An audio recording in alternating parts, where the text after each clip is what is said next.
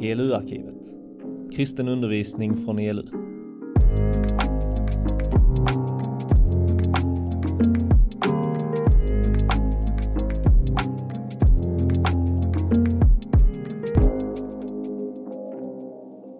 Jesus är porten fick jag som tema. Ska jag starta en sån här med så jag vet när jag ska sluta. Så, eh, så att ni ska få rast alltså. Jesus är porten. Och eh, det är ju eh, temat som sagt. Det är också en bild. Så Jesus är ju ingen fysisk port, utan det är någonting han säger om sig själv. Eh, och det, det är det vi lite ska förklura på hela den här förmiddagen. Vad betyder det när Jesus säger jag är porten? Nu vet jag mycket väl att den här texten som kommer upp här uppe den är väldigt liten. Eh, och det finns en liten pedagogisk poäng i det. Jag tänkte så här, jag gör en ganska liten text. Och jag ska säga det redan från början. Sådana här biblar, det är bra grejer det. Så har ni en sån med er, var med i den, slå i den. Det finns en poäng i att jag gjorde Johannes 10.9 stort där, så ni ska se var vi är någonstans. Och sen får ni kämpa om ni ska läsa där framme på skärmen. Nu var det inte rast. Eh, så var gärna med och slå i era biblar eh, och häng med på det vi läser. Jesus säger i alla fall i den här versen, jag är porten, den som går in genom mig ska bli frälst. Jag är porten, den som går in genom mig ska bli frälst. Sammanhanget, ja det har ni hört, det är det ni, de här verserna har ni ju pratat om sen i onsdags när ni kommer hit och ska fortsätta prata om resten av det här lägret. Men det är ju det här fårboet. Nu visar jag upp min okunskap om, om, eh, om djurhållning här. Fårhägn, fårhus, får whatever man kallar det. Eh, på den här tiden var det väldigt, väldigt enkla byggnader. Fyra väggar och ett hål en port. Där fanns ingen dörr. Så vad, vad herden brukade göra när han är ute och går med sina får och så ska de övernatta någonstans ute på, på, på en äng. Så räknar han ju in sina får, kollar att alla är där, vallar in dem i den här liksom inhägnade rummet. Och sen när han har alla inne i tryggt förvar där inne så lägger han sig och sova i öppningen. I porten. Eh, I eh, grinden, dörren. Det är faktiskt så att den här översättningen med porten, det är folkbibeln, den nya folkbibelsöversättningen. Den lite äldre folkbibelsöversättningen som jag har, där har de valt att översätta det med dörren och ni som läser Bibel 2000 har att Jesus säger att jag är grinden. Så det är liksom det här, det är porten, det är dörren, det är grinden. Jesus är där och det finns inget sätt för fåren att komma in eller ut utom genom herden, eller i det här fallet Jesus. Han säger att det är jag som är i det här spacet. Det är jag som är vägen in och ut. I det här fallet till fårhägnet. Jesus bjuder ju in till någonting här. Och det är någonting som man får genom att gå genom Jesus. Den som går in genom mig ska bli frälst, säger Jesus. Frälst. Det är gammelsvenska, eh, betyder räddad. Så det är målet, vi ska gå genom Jesus för att bli räddad, eller räddade. Räddad eh, brukar ju vara från någonting, ska den hålla på att ringa hela förmiddagen här nu? Nu ska det vara tyst, vad bra. Det är ju räddad blir man från någonting. Det är någonting som man uppenbarligen inte vill ha, någonting som man ska bli liksom räddad undan ifrån, frälst undan ifrån, någonting som vi inte vill råka ut för. Något i det här fallet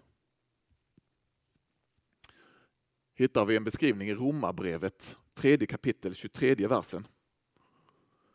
Där Paulus skriver så här alla har syndat och saknar härligheten från Gud. Något som vi blir räddade ifrån, i det här fallet frälsta ifrån, det är synden. Synden är ett problem. Synden är ju någonting som vi har gjort, vi ska komma in på det. Och det är det som gör att vi saknar härligheten från Gud. Paulus skriver vidare i Romarbrevet tre kapitel senare, samma vers, nummer i alla fall, att syndens lön är döden. Så Jesus säger, jag är porten. Den som går in genom mig ska bli frälst, räddad undan från synden. Synden som uppenbarligen står i vägen från härligheten från Gud, att vi ska få den, och som leder till döden.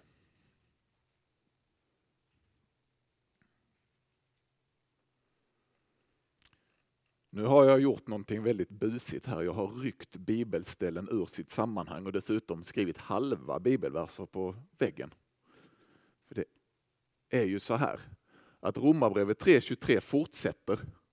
Alla har syndat och saknar härligheten från Gud, det läste vi. Och de förklaras rättfärdiga som en gåva av hans nåd därför att de är friköpta av Jesus Kristus blev det många kluriga ord här. Jag har strukit under och ringat in lite som är jag vet att det är liksom otroligt dåligt, eh, svårt att läsa på, på avstånd. Men jag har ringat in att det är en gåva att förklaras rättfärdiga av hans Guds nåd. Därför att det vi, vi som har syndat, vi som har saknar härligheten från Gud. Vi är friköpta av Jesus Kristus. Och tittar vi vidare, Romarbrevet 6.23 är egentligen inte bara så kort som syndens lön är döden. Utan den fortsätter, men Guds gåva är evigt liv i Kristus Jesus, vår Herre. Återigen, syndens lön är döden. Synden leder till döden. Gud vill ge oss en gåva. Ett evigt liv i Kristus Jesus. Han vill köpa oss fria, som Paulus skriver i Romarbrevet 3. Friköpta av Kristus Jesus. Här finns någonting här som vi ska gräva i den här morgonen. Med att Jesus är porten, det finns en poäng att gå in genom honom. Det finns någonting att få när man går genom honom att nå frälsning. Det verkar som att vi sitter rätt illa på det, men att det finns en väg till frälsning. Sen kunde jag inte låta bli att göra en extra grej här om Romarbrevet 6.23. En liten jämförelse av två ord här. Syndens lön är döden, men Guds gåva är evigt liv. Det är skillnad på lön och gåva. Va? Lön får man för någonting man förtjänar. Lön är någonting man jobbar för. Ofta så ser vi lön som någonting positivt. Jag har jobbat och slitit och så får jag pengar på kontot en gång i månaden. Eller vad nu lönen är som man får för det man gör. Det är någonting som man rättmätigen har liksom förtjänat. I det här fallet i negativ bemärkelse. Syndens lön är döden. Men Gud ger en gåva. Det är kontraster. Och jag tog med det bara för att det råkade vara i den här versen och att jag vill göra en poäng av det här med understrykningar. För det, det var nämligen någonting jag råkade bara hitta i min bibel när jag slog upp den här versen. Att jag hade gjort precis de här, gjort två inringningar om lön, inring, inringningar, heter det så? In, cirklar kring ord. Eh, kring lön och gåva och satt ihop att skrivit kontrast i min bibel. Och varför tar jag upp det här nu? Jo, bibel i mobilen är skitbra. Jag kommer aldrig säga någonting annat. Det är jättesmidigt att ha en bibelapp i sin mobil. För mobilen har man ju alltid med sig. Man sitter på bussen på vägen till skolan, man åker tåg eller vad man än gör. Man har Bibeln tillgänglig. Man kan få ett pling en gång om dagen. Här är dagens andakt eller dagens vers eller vad det nu kan vara. Men i sådana här sammanhang, när man åker på läger, när man sitter hemma i lugn och ro, så är den här oslagbar. Och ha med er liksom en penna. Sitt och gör undersökningar. Detta är er, jag brukar säga det till mina konfirmander, eh, när jag hade konfirmander. Detta är er bibel. Det är ni, det det är liksom, ni, gör, ni gör anteckningar tillbaka till er själva. Förhoppningsvis kommer ni fortsätta läsa i den här bibeln länge, länge framöver och bläddra tillbaka till något ställe någon gång som ni läste för tio år sedan. Och så ser ni att ni har gjort en understrykning eller ni råkar bläddra förbi och så åh, här var en understrykning, undrar vad det stod för något viktigt där. Och så är det någonting ni någon gång har tyckt, det här är värt att stryka under. Och då får ni läsa det igen så jag kommer leka en del, även om de inte kommer synas här, kommer ha ganska mycket understrykningar och så, för att peppa er till att stryka under era egna biblar. Right. Nu ska vi be. Herre, tack för att det är du som är porten. Hjälp oss den här förmiddagen att få tillsammans fundera på vad är det som vi får när vi går igenom dig? Vad är det du erbjuder? Vad är din gåva till oss? Hjälp oss att se det på ett nytt sätt idag. Ett nytt specifikt sätt som vi just var och en här inne behöver. Höra från dig om vad du har gjort för dem och för oss alla. Och vill sträcka till oss som gåva. Tack för ditt ord, tack för att vi får gräva och rota i det. Tack för att det håller, tack för att du håller. Amen. All right.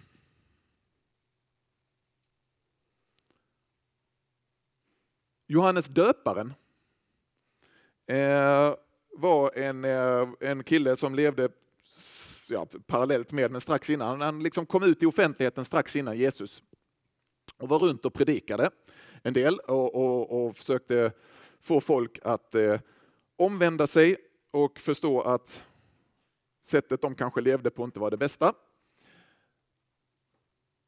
Och en dag när han står och predikar för sina lärjungar eller den, liksom, den församlade skaran så kommer Jesus gående. Jesus är vid det laget inte liksom officiellt känd. Och då säger Johannes så här. Det står i Johannes evangeliet första kapitlet, vers 29, så säger han så här, Johannes döparen. Se Guds lamm som tar bort världens synd. Säger han när han pekar på Jesus. Jesus kommer gående. En helt random, okänd person för den församlade skaran. De är där för att lyssna på Johannes. Johannes pekar på någon annan och säger, se Guds lamm som tar bort världens synd. Det var liksom beskrivningen av vem Jesus är. Men också egentligen hela Jesu verk sammantryckt i en liten mening. Johannes hade alltså fått veta, eller Gud lät honom liksom veta vad hela poängen var med Jesus. Så att han skulle kunna få liksom göra den här statement-predikan innan Jesus ens har satt igång och göra liksom sin, sin grej. Jag tänkte att det, se Guds lam som tar bort världens synd, det ska få vara vår tema eller det vi ska liksom röra oss runt kring eh, hela den här förmiddagen. Så det kommer stå där uppe. Vi kommer beta av egentligen ord för ord eller uttryck för uttryck av den hela den här förmiddagen. Eh, och jag har egentligen redan flera gånger sagt det jag vill säga. Jesus tar bort våra synder.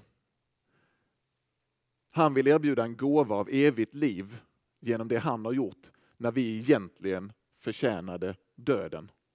Som Paulus var inne på i de här bibelorden vi hade här innan. Det är liksom fokus av allting som jag vill säga hela den här förmiddagen. Så vad jag kommer att göra är att jag kommer att återknyta till den här poängen om och om och om och om igen. Så kommer vi göra små liksom lite utflykter och så kommer vi tillbaka till poängen. Så gör vi en ny liten utflykt och så kommer vi tillbaka till poängen. Så kommer ni inte ihåg någonting annat av den här förmiddagen. Klassiskt sätt att inleda det man ska säga. Så kom ihåg att Jesus har dött och uppstått för er. Det är det jag kommer att säga flera gånger om och om igen.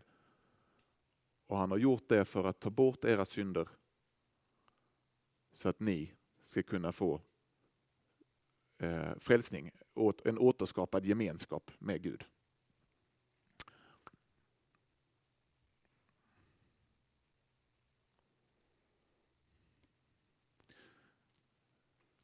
Lamm. Skulle man presentera Jesus idag för 2020, skulle Jesus, liksom, utan att ni vet vem Jesus är, så, så av någon anledning har ni kommit för att lyssna på mig, vad jag pratar om. Helt oförståeligt då om inte Jesus har redan gjort det han har gjort. Men om Jesus skulle vara liksom ny för oss alla, så vet inte jag om det hade varit ordet lamm som vi hade använt för att liksom referera till vem Jesus är. Men det gjorde Johannes och det var, gjorde han av en väldigt specifik anledning. Det är för att lamm är väldigt intimt förknippat med offer.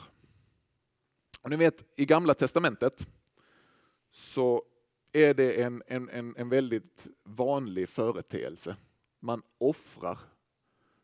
Det kan kännas som när man läser Gamla Testamentet att de offrar till höger och vänster. Liksom. Det finns skuldoffer, gemenskapsoffer, löftesoffer, tackoffer, syndoffer och alla möjliga offer.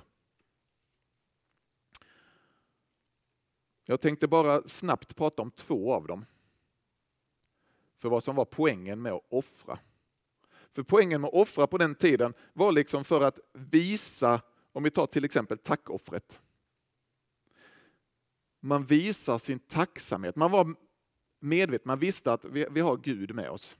Gud spelar en otroligt stor roll i vårt liv och han ger oss goda gåvor. Och för det ville man tacka. Så till exempel när man skördade så kunde det vara så att en liten del av ens skörd valde man att offra. Och det kan man göra på lite olika sätt.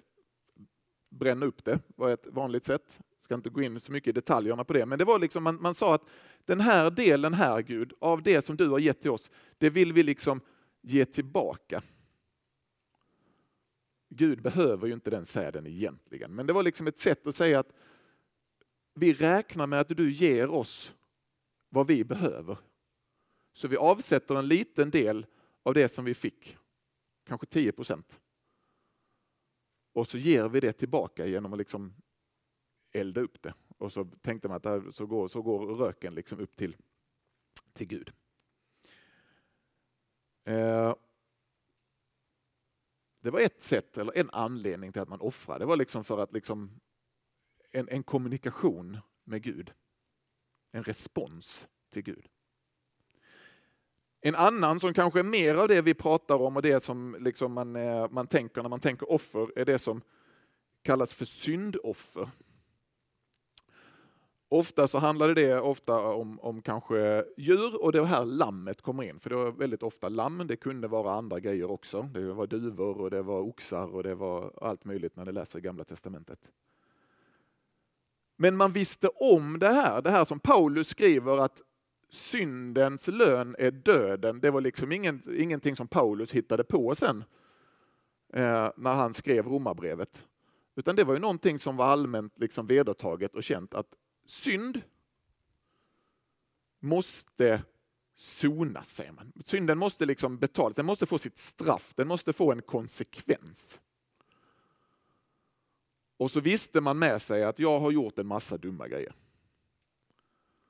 Och så för att få liksom relationen återställd med Gud igen så valde man att offra någonting. Någonting annat som var helt oskyldigt. Det här lammet som man hade var ju inte skyldig till att jag hade gjort en massa dumheter. Men lammet här fick vara liksom representanten. Fick ta liksom straffet i mitt ställe. Och så offrade jag det här lammet till Gud och säga liksom att här, lammet får, ta, får liksom döden, det får lönen, den, den rättmätiga straffet som jag skulle fått. Det tar lammet och så på så sätt så är mina synder, har de, har de liksom fått betalning. Otroligt komprimerat och förenklat. Jag tror Måns hade kunnat stå här och prata betydligt längre om det här än, än vad jag kan. Men, nej.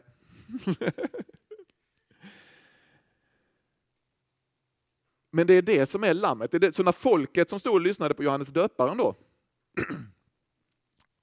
när han kallar Jesus för lamm, så börjar de tänka liksom, lamm, ja, men det är offer, man offrar lamm. Alltså man börjar, den, den bilden liksom föddes in redan där. Vi hade, som jag sa, vi 2022 hade inte tänkt det. Vi tänker kanske toapapper när vi tänker lamm. Men de tänkte offer.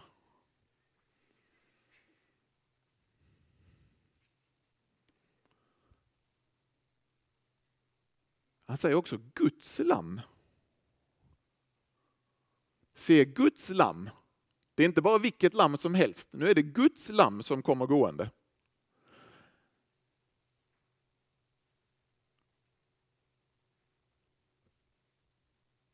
Då för det ju tankarna till att det här offret som lammet representerar är ju någonting som Gud då bär fram som sitt offerlamm. Det är inte mitt lamm. Det är inte folkets lamm, eller på sätt och vis blir det det, men det här är Guds lamm i hela den här offerkontexten. Och, och, och, och, hur knyter vi samman det då? Jo, då tänker ju folk på den här tiden på förbundet som Gud har instiftat en gång med Abraham. Eh, och en snabb genomgång av det, för er som inte kommer ihåg konfundervisningen om det, är ju att Gud väljer ut Abraham en gång för länge, länge, länge, länge sedan. Och så säger han så här. Du Abraham ska bli fader till mitt folk. Gud säger, ditt, din avkomma ska bli mitt folk, jag ska vara er Gud, ni ska vara mitt folk. Och säger Abraham, ja det finns ett problem. Jag är typ skitgammal och inga barn. Jag löser det, säger Gud. Och han löser det. Vi ska inte gå in på liksom, eh, hur och så där, men Gud ingår ett förbund med Abraham. Och det kan man läsa om det, vi slår inte upp det nu, men första Moseboks 15 kapitel är själva ingåendet av förbundet. Och som man, lös, som, som, man, som man ingick förbund på den tiden, nu för tiden, man kan säga förbund är detsamma som avtal. Ni, eh, många av er kanske inte är gamla nog att ingå avtal än, men det vet så här, man skriver under ett papper och säger att ja, jag, jag förbinder mig att betala så här mycket i månaden och så får jag mobiltäckning på min telefon. Eller så får jag de här kanalerna eh, via Netflix eller vad det nu kan vara för avtal eller förbund man vill ingå med företag. Man skrev inte under några papper på Abrahams tid. Vad man däremot gjorde, det är ganska makabert. Jag tycker om att läsa i Bibeln, så vi gör det i alla fall. Första Mosebok 15.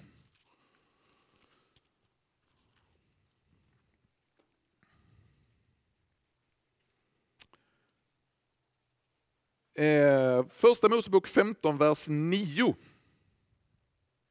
Nu läser jag eh, folkbibeln som är snäppet äldre än era, så det kan vara en liten annan översättning. Men då sade han, och det är Gud, till honom, och det är Abraham. Så Gud säger till Abraham, hämta åt mig en treårig kviga, en treårig get, en treårig bagge, en turturduva och en ung duva.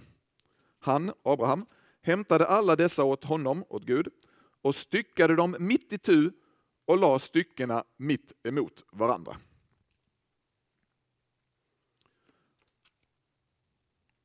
Kan man undra varför han gjorde så. När man ingick avtal på den tiden så kom man överens om någonting. Och sen så tog man de här djuren och så styckade man dem och så la man dem som en, liksom en makaber eh, köttallé. Så här. En liten gång framåt. Och så tog man varandra i hand på den här sidan. Och så, så gick man liksom hand i hand igenom den här köttallén. Och när man hade kommit till andra sidan så var det liksom som att nu har vi ingått det här avtalet. Den av oss som bryter mot det gör vi så här med. Tror man hade hållit sig rätt så mycket mer till sina avtal nu för tiden om vi hade gjort så nu. Men vi är lite mer civiliserade kanske, jag vet inte. Men, så, så Abraham gjorde det här. Han byggde den här köttallén. För Gud sa åt honom och det var liksom, han fattade precis vad det var han skulle göra, för det var så man gjorde. Så läser vi vidare från vers 17. När solen hade gått ner och det blivit alldeles mörkt syntes en rykande ugn med en brinnande fackla som for fram mellan köttstyckena. På den dagen slöt Herren ett förbund med Abraham och sade, åt din efterkommande ska jag ge detta land från Egyptens flod ända till den stora floden, floden Eufrat och sen så en massa folks namn som är svåra att uttala. Abraham, eller som han hette fortfarande här, Abraham, han går aldrig i köttallén. Gud i form av en fackla och en brinnande ugn. För ni har era egna bilder av hur det ser ut. Gud går igenom allén. Gud skriver under avtalet. Abraham skriver aldrig under avtalet. Skriver under med sådana här. Så vad Gud säger är att jag går igenom det här avtalet. Jag instiftar detta helt på egen hand. Om jag bryter, alltså om Gud skulle bryta mot avtalet så får människorna göra så här. Slakta honom. Han skriver också under för människornas skull, alltså för, för Abrahams skull, för liksom folkets skull. Och säger, om ni bryter mot förbundet så får ni göra så här med mig. Så redan här har vi en första hint om att Gud själv instiftar och upprätthåller förbundet med folket. Han hintar redan här att han tar straffet för våra synder. För vår oförmåga att hålla lagen. Lagen är ju tio budorden och så en massa andra där, hela gamla testamentet. Går inte in mycket mer på det nu. Vi bryter mot förbundet men inte Gud.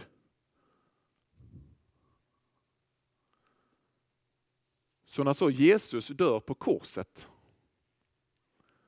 så är det ju Gud som offras precis som han hade lovat i de här döda djuren då den kvällen med Abraham.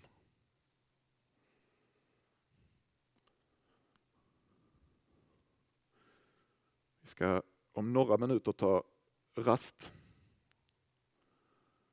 Men jag vill bara gå igenom det här för att Vet ni hur man dör på ett kors?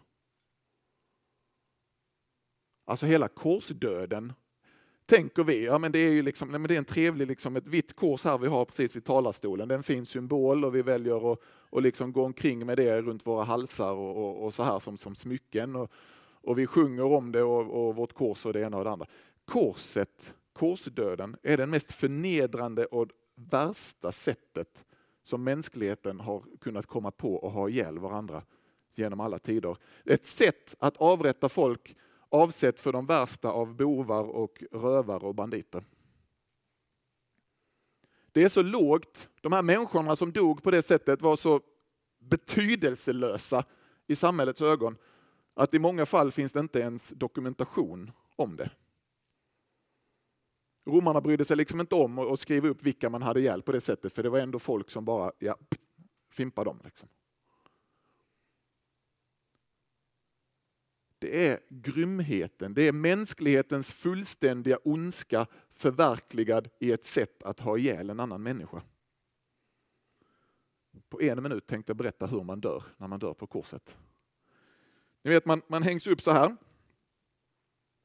Så spikas man och så ofta så i, i, i bilder och så, så, så brukar vi prata om att man sätter spik i händerna. Det provade säkert romarna först och spika fast i händerna.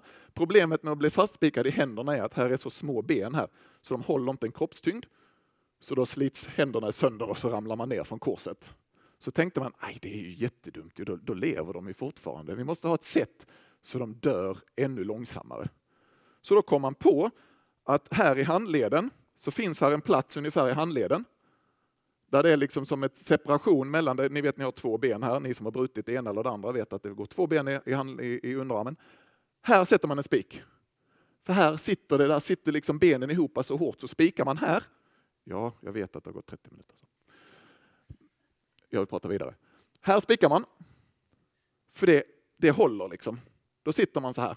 Och så drar man ut, gärna så axlarna går ur led och allt möjligt, så gör fruktansvärt ont. Så. Och så hänger man där.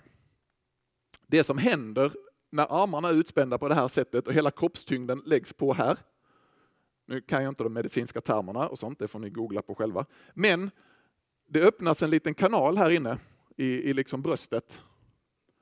Så att det som separerar, ni vet om ni har fått en kallsup och fått vatten ner i lungorna, det är direkt otrevligt. Där är liksom en spärr, så det ska ju inte hända. När vi dricker vatten ska det gå ner i magen. Men den spärren den öppnas liksom så att det som vi har i munnen och alla våra kroppsvätskor som annars rinner ner i magen, det rinner ner i lungorna. Så man långsamt, långsamt hänger här och långsamt, långsamt så fylls lungorna med vätska. Och vad händer när lungorna fylls med vätska? Jo, vår andningsförmåga blir sämre och man liksom drunknar i sina egna kroppsvätskor. Kom romarna på så här. Det är inte grymt nog. Vi gör det lite värre. För att, det är ju om man hänger helt så, så kom de på att vi sätter en liten plugg nere vid fötterna. Så den som ska bli korsfäst den kan liksom uh, häva upp liksom hela överkroppen så här och lasta av axlarna. För då kan man ju andas igen. Så nu blev det liksom lite i profil här. Så ofta när man blir hängd, eller blev hängd, så hängde man så och sen så blev man liksom lite så här med böjda knän. Och så fick man stå på den här fotapallen som man för övrigt också blev fastspikad i. Och så kunde man liksom trycka ifrån där, upp och andas lite. Men då tänkte de så ja, men då kan de ju stå så hur länge som helst, det här får vi ändå göra någonting åt. Så då tog de en spik i korsträet bakifrån och så spikade man den rakt igenom. Så gick den genom träpålen och så ut här och så in i vaden. Så när den som blev korsfäst bestämde sig för att nu vill jag kunna andas, för man kunde ju andas mindre och mindre efter man höll på att drunkna. När man tryckte ifrån så, då fick man välja på att man antingen få en spik in i vaden eller inte kunna andas. Och så höll man på så i flera dagar i vissa fall. Eller inte flera dagar kanske, men ett par dagar. Länge kunde det ta innan man dog. Och till slut när då romarna tröttnade, bara, nej nu pallar vi inte med det att ni ska kunna så, då, då höll de på att slå sönder knäskålar och sånt, det har ni lärt dem också att man gör. För att man inte kunna häva upp sig och så går drunkningen snabbare och så dör man. Det valde Gud att utsätta sig själv för. För våra synders skull. Det här är det sista jag säger innan rasten. Paulus skriver i Kolosserbrevet 2.14. Han, Jesus, har utplånat skuldebrevet som vittnade mot oss. Det tog han bort genom att spika fast det på korset. Ja, jag har en hel poäng om det. Vet ni vad? Vi tar tio minuters rast.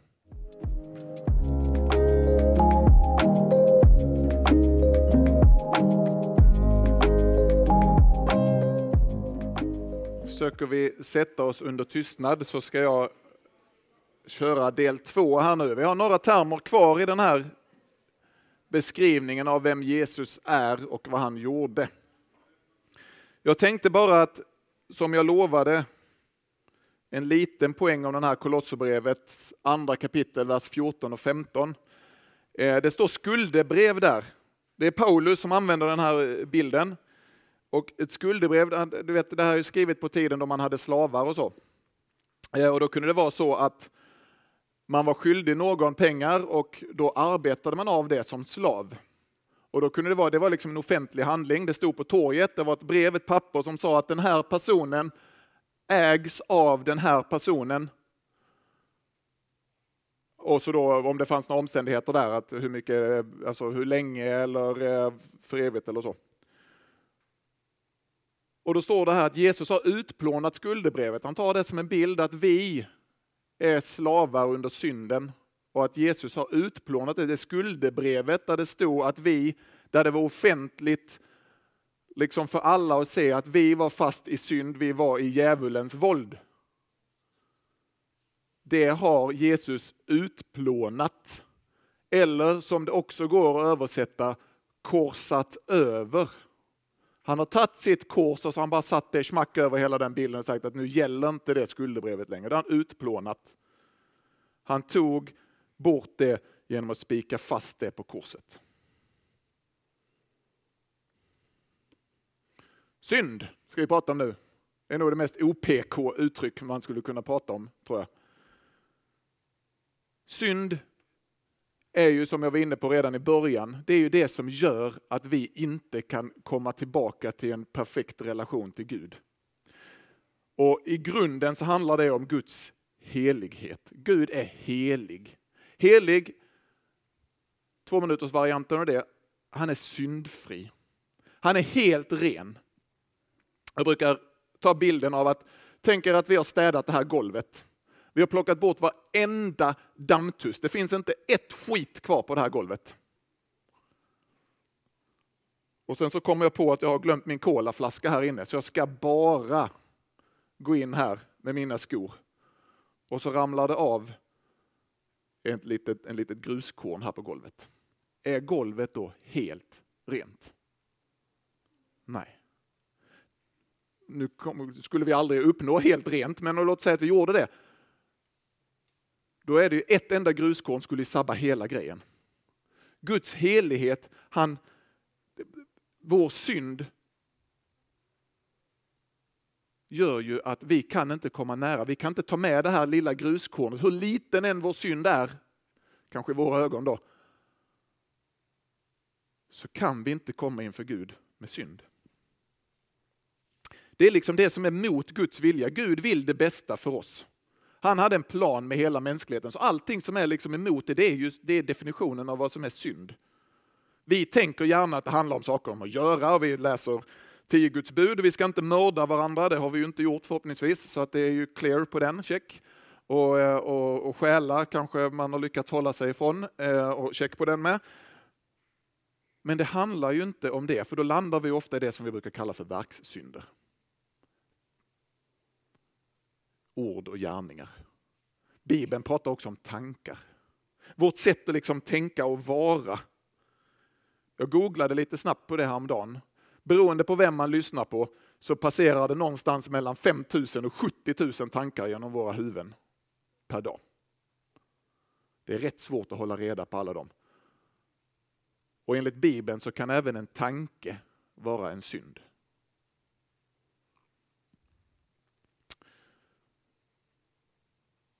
Syndens lön är döden och därför har vi Gud som valde att offra sig själv.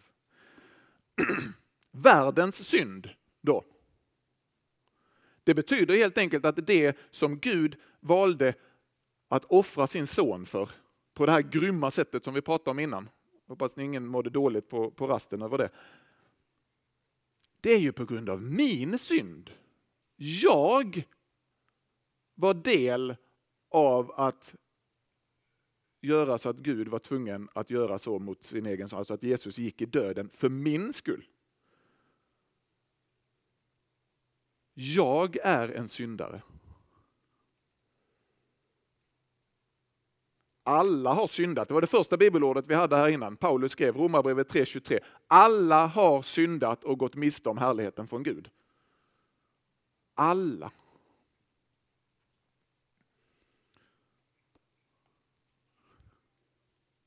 Jesaja 53. Jag satt en, en kväll och planerade konfaundervisning på, på Breanäs där jag var ledare. Det, det är många år sedan nu. Och så tänkte jag att jag skulle prata om det här med vad Jesus har gjort för oss. Så satt jag nere utanför killarnas rum, du vet så som man brukar göra och behöva göra för att se till att de är tysta och somnar. Och satt jag där med min bibel och så läste jag det här. Och så blev det bara så uppenbart, så starkt. Så stora tuffa konfaledare Dale satt och grät i källaren på Brenäs när jag läste det här. Men det var våra sjukdomar han bar. Våra smärtor tog han på sig, medan vi såg honom som hemsökt, slagen av Gud och pinad. Han blev genomborrad för våra brott, slagen för våra synder. Straffet blev lagt på honom för att vi skulle få frid och genom hans sår är vi helade. Vi gick alla vilse som får, var och en gick sin egen väg, men all vår skuld lade Herren på honom. Vet ni vad jag har gjort i min bibel? Jag har ringat in på varje ställe där det pratar om det som på svenska undervisning heter plural, alltså våra. Och så har jag ändrat det, eller satt liksom en markering att jag ska kunna läsa det som att det handlar om mig. Ja, nu blev det röd färg här, det blev fullständigt värdelöst på skärmen. Men det var mina sjukdomar han bar. Mina smärtor tog han på sig medan jag såg honom som hemsökt, slagen av Gud och pinad. Han var, blev genomborrad för mina brott, slagen för mina synder. Straffet lagt för hon, på honom för att jag skulle få frid. Och genom hans sår är jag helad. Jag gick vilse som ett får, var och en gick sin egen väg, men all min skuld lade Herren på honom.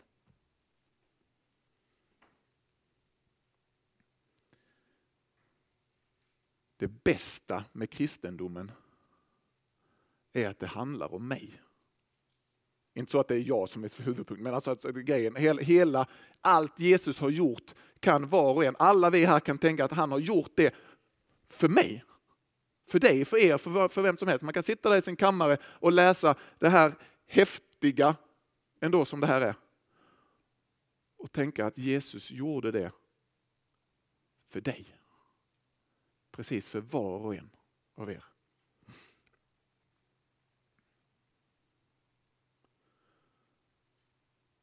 Man brukar prata om i, äldre kristen litteratur och annat sånt om det saliga bytet. Det är hela det som är poängen att ska vi komma inför, alltså ska vi komma, ska vi liksom få återskapad gemenskap med Herren och kunna liksom komma perfekt inför Gud och hans helighet så kan inte vi ha någon synd. Då måste vi ju hitta någon som är syndfri och byta bort vår syndighet mot hans syndfrihet och på så sätt komma in i himlen. Det saliga bytet. Vi får byta vår synd. Vi får allt det som vi har gjort fel.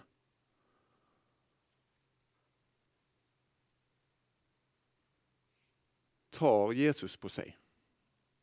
Och vad får vi tillbaka? Jo, vi får hans helighet. Och på så sätt så kan vi ju komma in i det här nystädade rummet utan att smutsa ner. Då får vi komma tillbaka till en perfekt relation med Gud.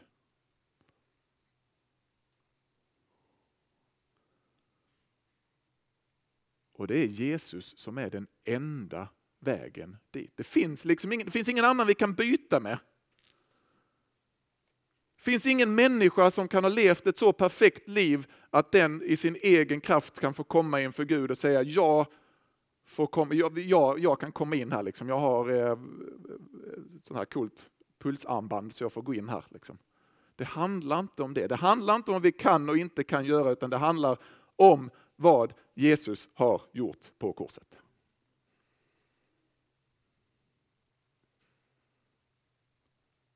Och att han erbjuder det som en gåva. Då är vi tillbaka där igen. Syndens lön är döden, men Guds gåva är evigt liv i Jesus Kristus.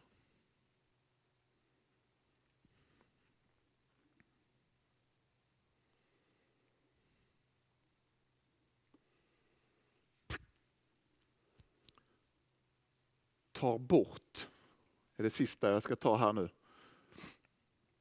Se Guds lamm som tar bort världens synd. Jag har ju varit inne och det är så svårt att prata om det här flera gånger om igen utan att redan ha sagt det man tänker säga.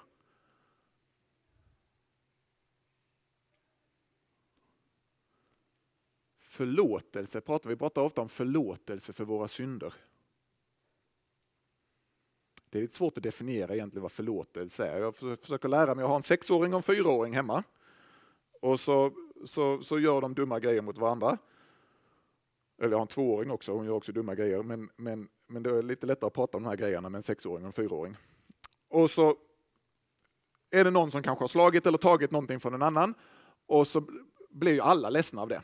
För vi går ju och säger ajabaja, så där får man inte göra. Och så blir den som, även den som har gjort någonting dumt, blir ju ledsen. Och så brukar jag säga, framförallt när jag pratar med min sexåring, så brukar jag säga skulle du vilja att det fanns ett sätt att vi skulle kunna backa bandet här nu, att vi skulle kunna göra om det här så att allting blir bra igen? Ja, vet du vad, det finns som ett litet magiskt ord man kan använda. Så pratar vi lite om förlåt och hela den biten. Så skulle du vilja gå och säga förlåt till din lilla syster? Nej, säger. Nej. Men det är liksom förlåtelse är fint. Men jag har använt ett annat ord flera gånger här nu som liksom är lite djupare. Bibeln pratar om försoning. Och då gick jag till Wikipedia. Och Wikipedia kan ibland ha sina guldkorn. Liksom. Då skriver Wikipedia så här om försoning. Ordet betecknar en genuint återvunnen samhörighet, inte bara att osämjan upphör. Detta kan också ge tillfälle till återupprättad heder. En genuin återvunnen samhörighet. Är ni med på vad vi pratar om här med heligheten? Inte bara att osämjan upphör, det är inte bara så här, ja du är inte arg på mig längre, nej jag är inte arg på dig längre heller, men båda har ändå i bakhuvudet vad som hände igen och finns det tillfälle att ge igen lite längre fram så kanske det kommer. Så fungerar sex och fyraåringar när ni väl blir föräldrar sen. Men så fungerar inte Gud. För när han har försonat världen med sig själv, vi kommer till det bibelordet strax, försoningen är ju liksom att allt det som har hänt innan, men det, det är borta. Men det är inte bara att osämjan upphör. Det är inte bara så att Gud är liksom, ja, ja, alltså det var ju inte bra det du gjorde, men jag, jag förlåter dig det liksom. Och så går vi vidare och så försöker vi liksom titta framåt nu här och alla andra sådana fina klyschor.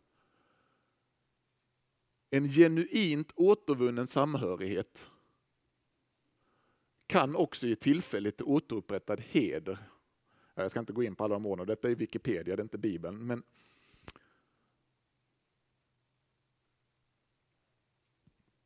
det är det här som är försoningsläran som vi pratar om. Att skulden har betalats, synden har sonats.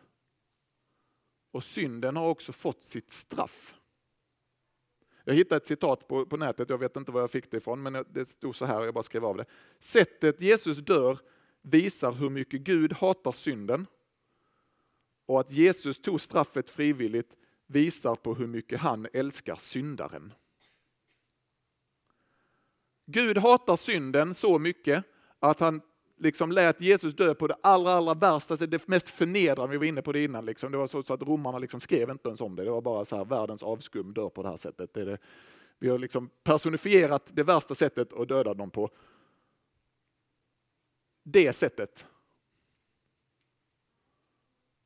dör Jesus på. För att Gud hatar synden så mycket. Det är så illa med synd. Och Jesus väljer att göra det här frivilligt. För att han älskar oss syndare så mycket.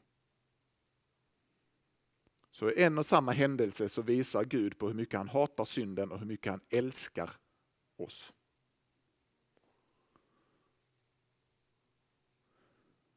Det är Gud som tar bort synden.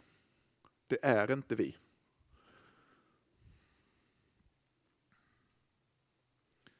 Jag ska avsluta med ett sista bibelord. Andra Korintierbrevets femte kapitel 19 till 21. Andra Korintierbrevet femte kapitel 19 till 21.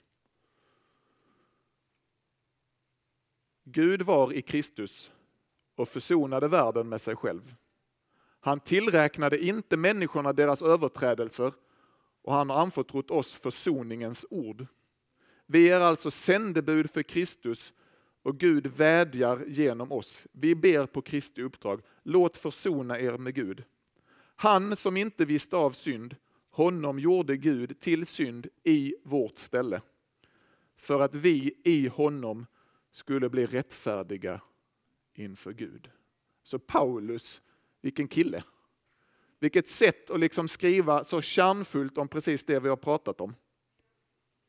Precis som att han visste vad jag skulle prata om här idag. Gud var i Kristus och försonade. Här har vi ordet försonade, det har jag ringat in i min bibel. Försonade är ett så pass mäktigt ord. Gud var i Kristus och försonade världen med sig själv.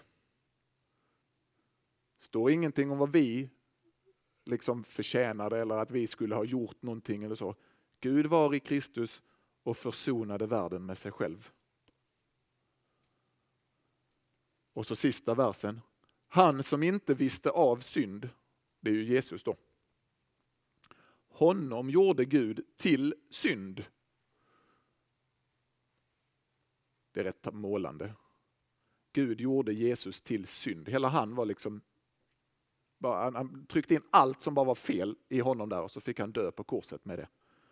För att vi i honom, genom Jesus, i porten, vet, genom, så, det är, där, det är på det sättet som enda sättet vi kan komma in till Boet, himlen, skulle bli rättfärdiga inför Gud.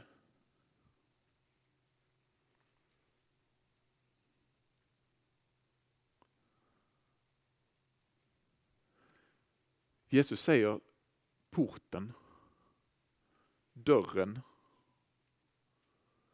Han säger inte jag är väggen. Klarar du att klättra över det här? Fixar du liksom att göra det här? Då är du godkänd. Han är ingen examinator. Han är ingen som står där och tittar och säger liksom att ja, ja men du är, du är bra nog, du, du får komma in. Ja, du, skulle vilja ha lite mer bibelläsning av dig där, så du stannar ute ett tag till och jobba på, jobba på din bön och bibelläsning där borta. Det handlar inte om det. Gud är porten. Dörren håller han öppen av nåd. Det är ett ord jag inte har pratat så mycket om. Men det är gratis gåva. Helt oförtjänt. Inte på grund av prestation. Jesus är dörren, han är inte väggen. Dörren är öppen av nåd, inte av prestation. Vi ber tillsammans. Tack Jesus för att du har gjort allt. Tack för att du har tagit på dig vår synd i vårt ställe och frivilligt dog den värsta död vi skulle kunna tänka oss. Herre, jag ber att vi ska ta emot den gåvan av dig. Tack för att du håller dörren öppen för oss. Amen.